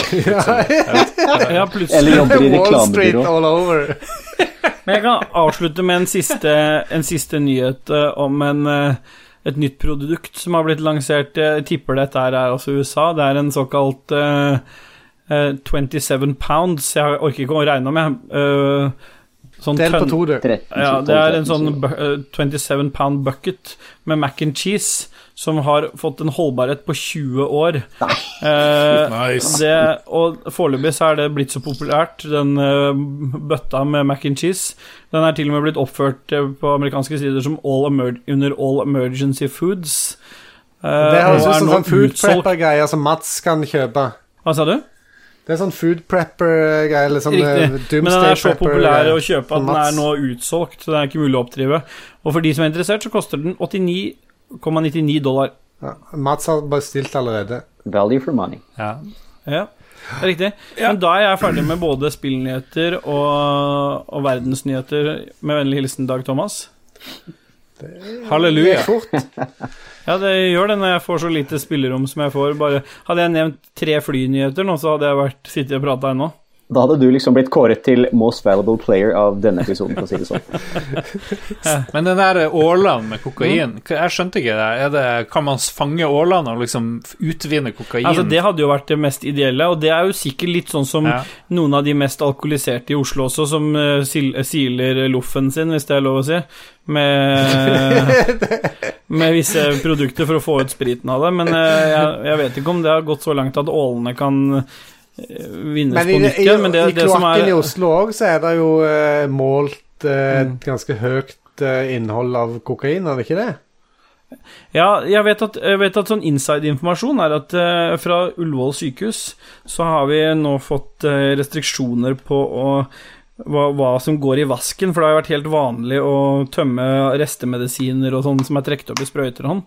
Men der har man sett at uh, rott, blant, det er jo en del rotter i kloakksystemene våre, og når de både blir fora på masse forskjellige medisiner og sånne mm, sånne energidrikker i all masse og sånn sondeernæring og sånn, så får de ganske mye kalorier. Så det er, det, under Ullevål sykehus så er det noen gigantrotter som er uh, ordentlig høye og sløve på både morfin og annet mye snask. Så der er det Det er faktisk sånn origin story på sånn her uh, mutant Det, Det er splinter! Det er splinter! Det er, eh, en, det er et par splinters som fyker der nede. Mangler bare skilpaddene.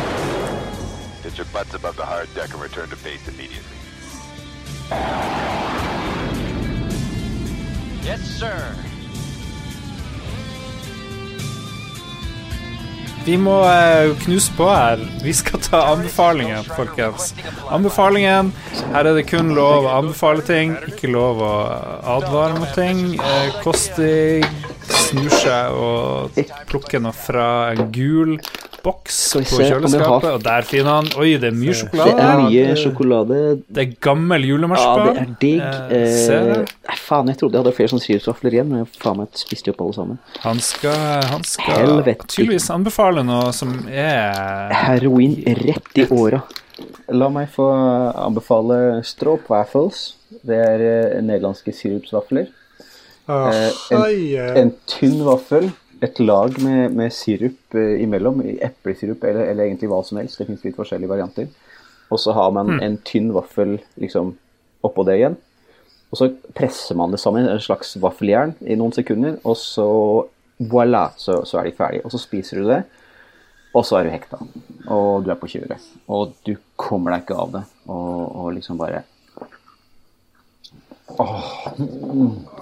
Og for de som ikke ser, så spiser han Han spiser faktisk dette mens vi ser på. Ja, Eh, jeg, jeg har en kollega kollega Ja. fra Nederland som eh, faktisk eh, har, hadde en sånn stående bestilling at alltid når han kom til Norge, Ja. så måtte han ha med seg de greiene Ja. der.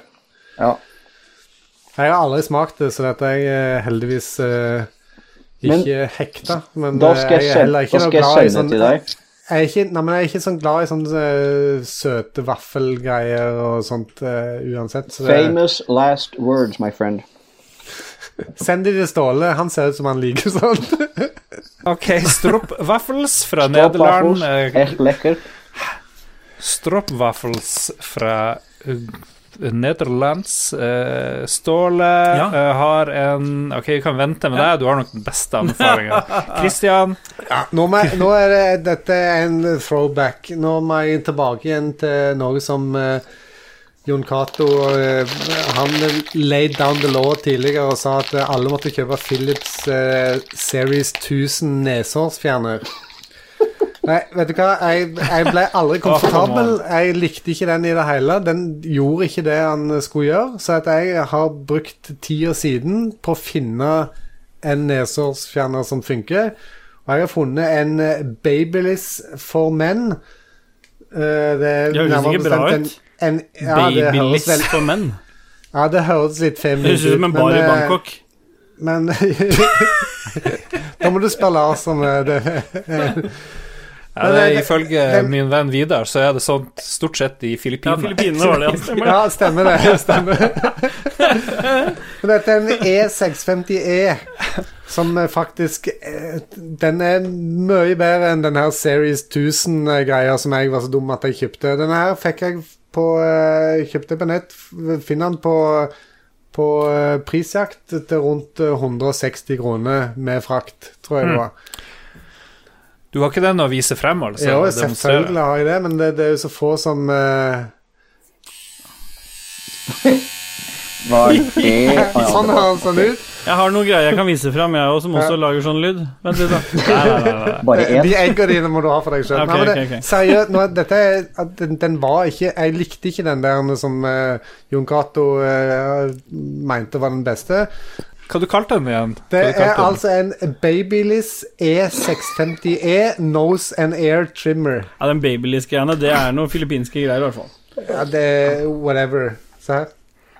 You wanna Ja. come home Babyliss menn. Please.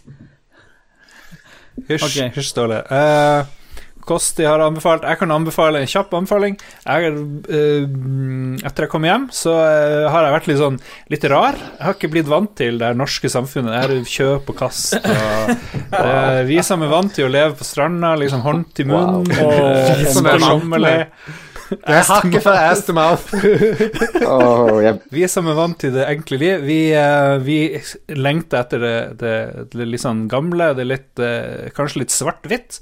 Og da fant jeg denne filmen Roma, som alle har skrytt av, men som jeg ikke har gidda å se på Netflix. Svart-hvitt fra Mexico på 70-tallet. Det er jo en moderne film, da, men den er satt tilbake i tid.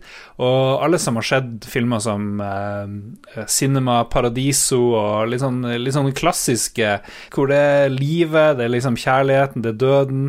Og det er akkurat en sånn film der her, en sånn filmklubbfilm som får deg til å tenke litt og puste litt og ta det med ro. Og er, det er absolutt, absolutt ingen tydelig handling. Det er ingen skurk, det er ingen helt. Det er bare masse folk som driver og og roter litt rundt i Mexico i 70, 71. Eh, plutselig dukker det opp en nordmann i et rart kostyme. Det er en kar som driver med litt sånn samurai-ting. Eh, det er litt sånn utroskap. Det er litt sånn alt mulig, mye rart som bare hopper opp og, og overraske deg i den her eh, Roma-filmen, som jeg ikke hadde tenkt å se, fordi svart-hvitt, hvem, hvem har tid til det, Nei. egentlig? Men det her er den svart-hvitt-filmen du skal eh, ta deg tid til. To timer og noe. Send gjerne i to omganger, det gjorde jeg. Eh, så én time. Måtte sove litt. Eh, og så Sånn som vi som er vant til å ligge på stranda, ikke sant. Se Med, han i to Se den i omganger. to omganger. Det var i halvannen time. Se den i to omganger. nei, mer enn to Ja, timer. 2.15 står det på IMDb, men eh, ja, eh, ja. Ja. Og så, og så blir du et bedre menneske. Du får litt sånn Du blir litt rolig. Du får lyst til å, å reise ned til, til Thailand. får jeg se noe science på at du blir bedre menneske å se den filmen, eller? Eh, Det sier seg sjøl. Du bare å okay, ok, på meg. greit. Du har virkelig blitt et nytt menneske. Hva er det for noe? Jeg blir et, nytt og bedre menneske. Ibermensch. Og, og, ja. Så eh, Og jeg driver og skal selge billetter ned til min nye Min nye sånn her båtutleie-business i Krabi etter det her. Så bare bli, bli værende på streamen. Da ser, da ser du. Lars i sånn hawaiiskjorte og, og sånt eh, driver og dealer med båter. Ok, men nå har vi hatt de kjedelige Ja. anbefalingene. Nå er det kun Ståle. Ståle har noe go Du, godis vet på du hva, jeg tenkte jeg skulle være litt Lars denne episoden her, jeg. Fordi jeg hadde en, del, jeg hadde en del sånne anbefalinger, og så tenkte jeg, vet du hva, nå er det lenge siden det har vært en sånn matanbefaling, og det er langt å dra til Harstad, og jeg tror vi har mange lyttere i Oslo som lurer på hvor i helvete, hvordan blir Ståle tjukk? Og da skal jeg fortelle dere en, et godt tips. Legg fra dere Bislett Det er sikkert masse godt Jeg tipper Magnus eh, Eide hadde gitt noen tips om Drammen, men i Oslo så drar du litt ut av byen, mot, forbi Lambertseter. Så drar du til Klemetsrud, nedi dumpa, dumpa der, så ligger det noe som er Det med det originale navnet Grytelokket. Som lager Det er helt når du tar av til Holmlia. ja, Altså. helt perfekt. Altså, du har ikke smakt kebab før du har smakt den der, og du har ikke smakt burger. Og der, hvis du noen Det er som jeg sier til unga, hvis dere vil bli stor og tjukk som far, så skal dere dit. Back in the days okay. så- så bodde jeg på Hauketo, og da var jeg faktisk Ja. innom der og handla et par ganger. Men det er lenge, lenge, lenge lenge, lenge Det ser lugubert ut. Det bygget er skeivt. De har prøvd å male et maleri på utsiden av en mann som koser seg med burger, men det ser mer ut som han inhalerer den med For den er litt dårlig malt. Eh, Men det viktigste for meg er at eh, jeg har sett at han serverer maten til sin egen familie, og da er det good.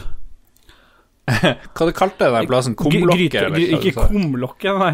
Grytelokket heter det. Grytelokk. Grytelokket på Klemetsrud. Go for it. Go for it. Uh, og hvor mange år har du feita deg opp der? Nei, altså, Hvor mange gammel er jeg? Jeg fikk jo burger før jeg fikk min første eh, tann. Så um, jeg vel begynner å bli 33, da, sikkert. Har det eksistert i 33 Nei, jeg tror år ikke det. Du spurte vanskelig, jeg svarte teit.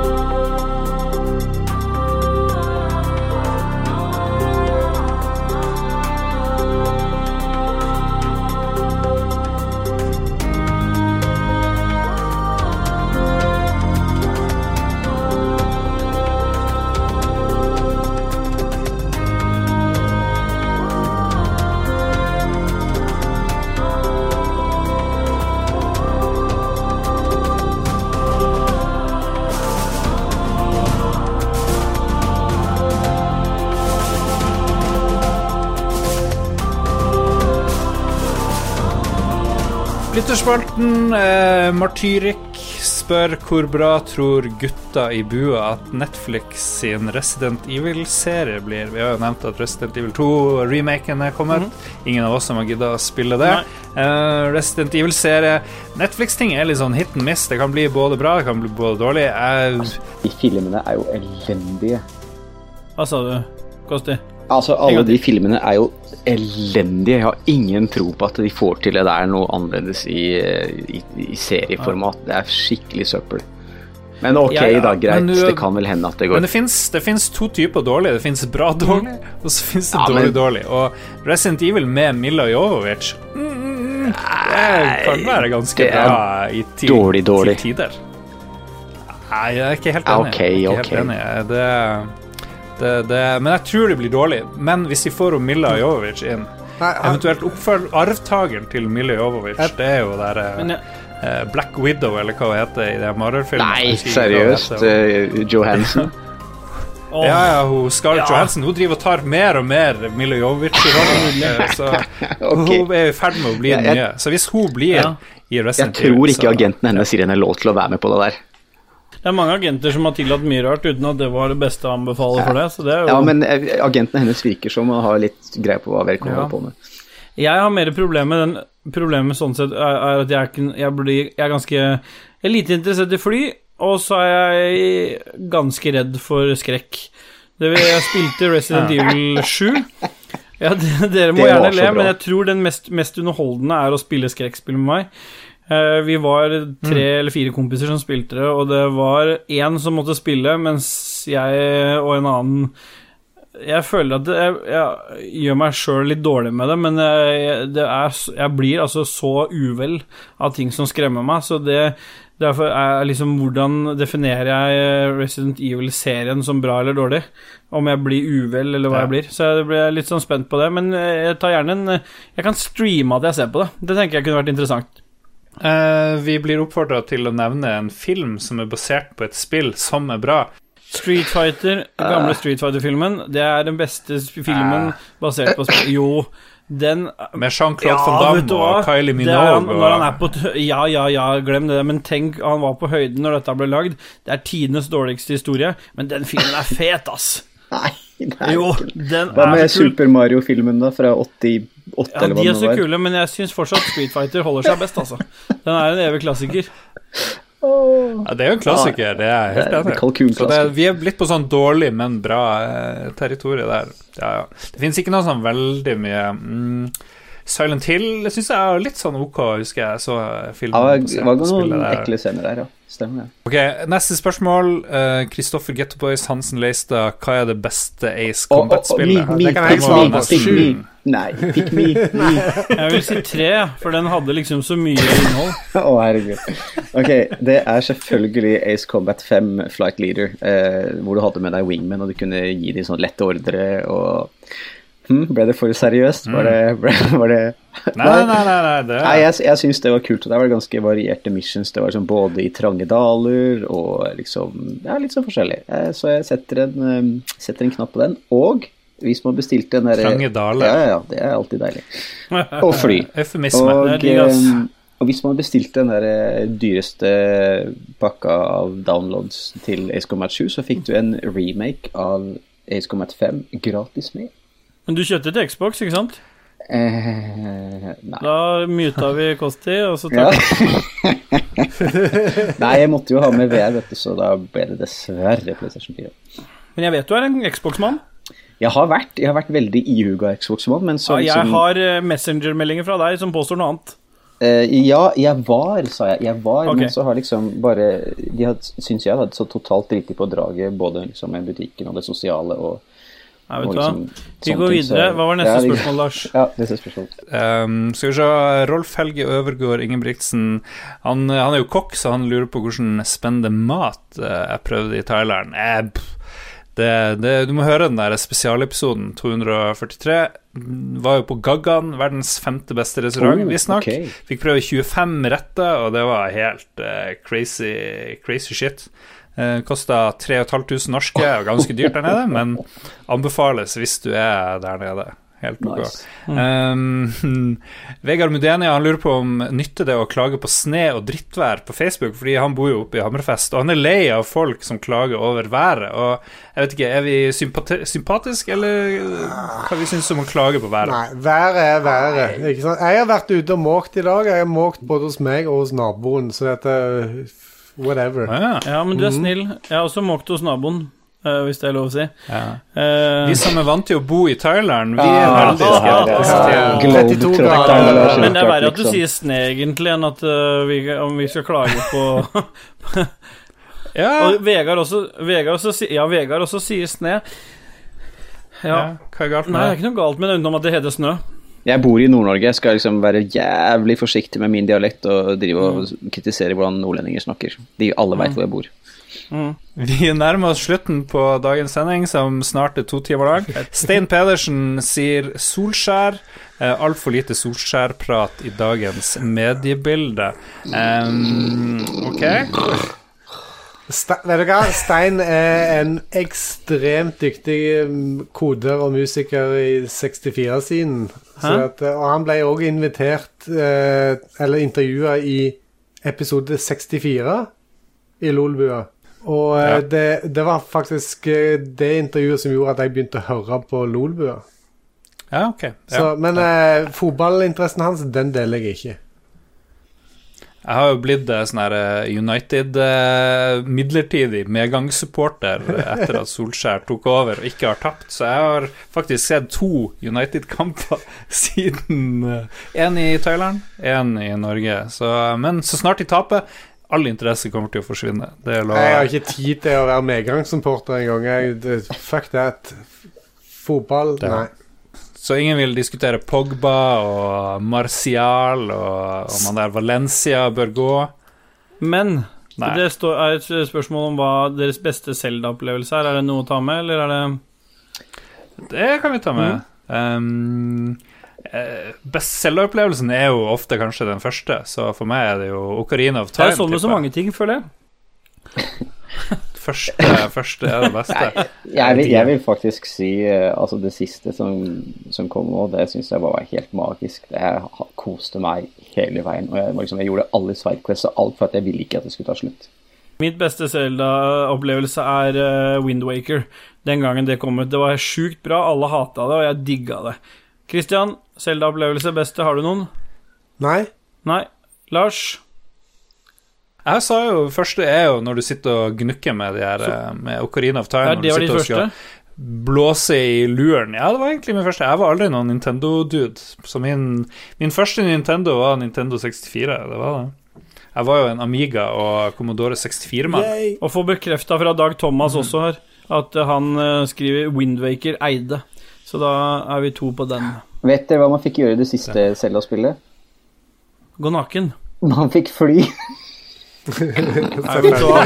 vet du hva? Nå går, de, nå går jeg snart. Ok, siste, siste mann ut i spørsmålsrunden, tror jeg, hvis ikke vi finner noe plutselig her. Adrian Haugen har vært altfor lite matprat etter at Magnus ga seg. Da spør jeg hva er deres signaturrett? Har vi noen signaturrett? Eh, Jeg vet jo Har vi ikke snakket eh, litt om det har Roffelbua? eh, vi har vel snakket om det tidligere i Roffelbua, ja, men, men da var det fav, jeg tror det var favorittrett vi snakket Ja, om. ja, da. ja. Signaturrett er jo den ikke, du lager sjøl. ikke kan vi nødvendigvis kunne lage sjøl, og da fikk jeg selvfølgelig hets for at jeg likte mat fra 80-tallet. Det- det- Ja, Kabaret og pølsegrateng og potetmos.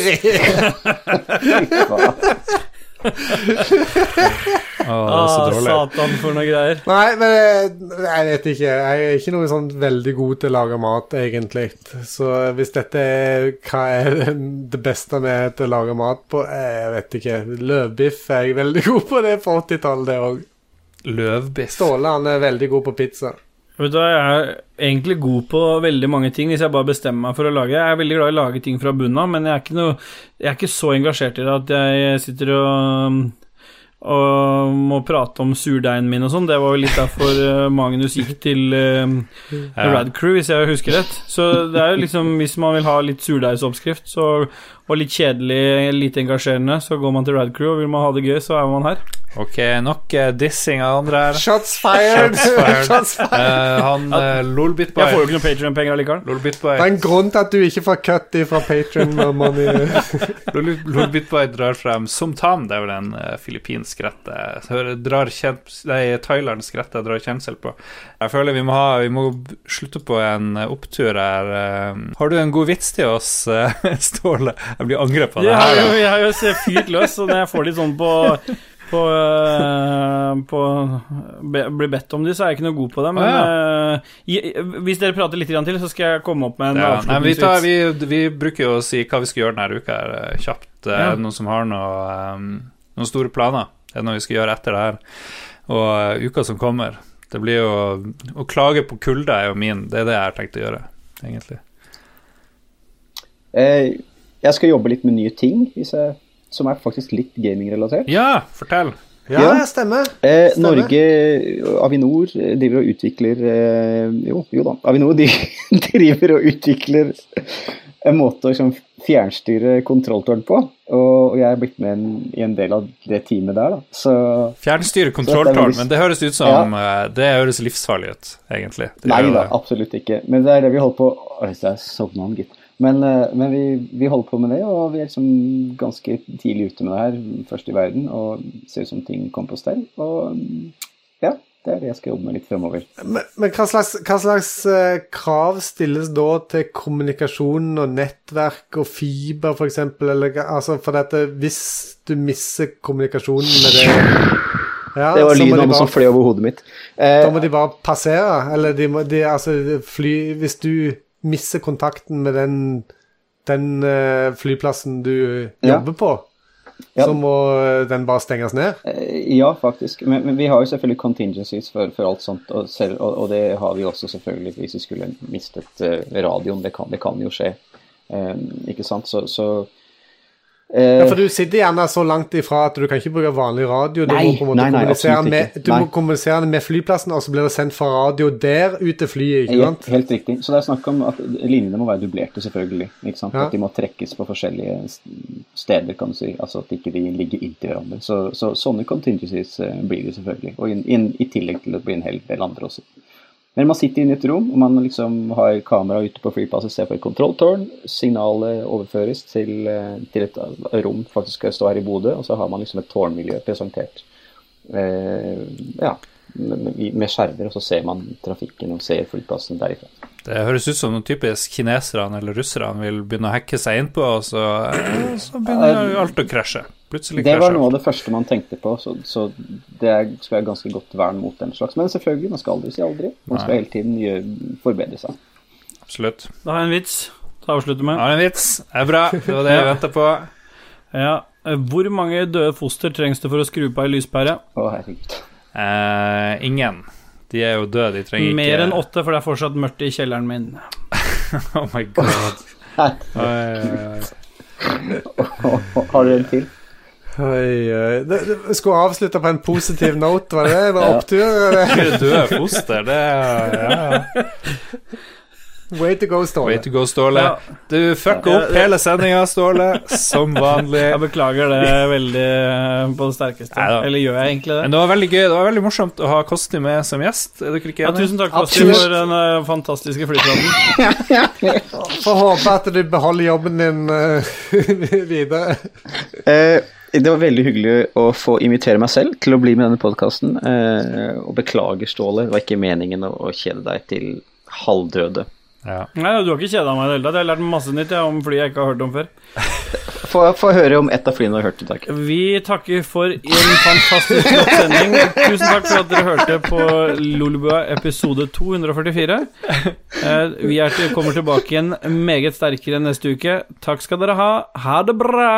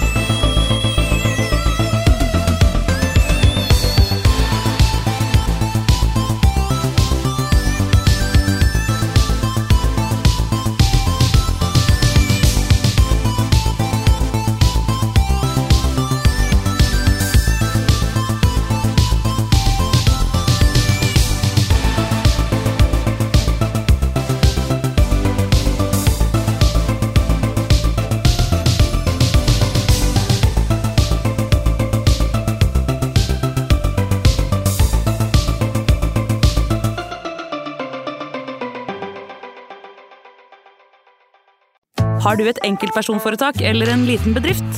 Da er du sikkert lei av å høre meg snakke om hvor enkelt det er med kvitteringer og bilag i fiken, så vi eh, gir oss her, vi. Fordi vi liker enkelt. Fiken superenkelt regnskap.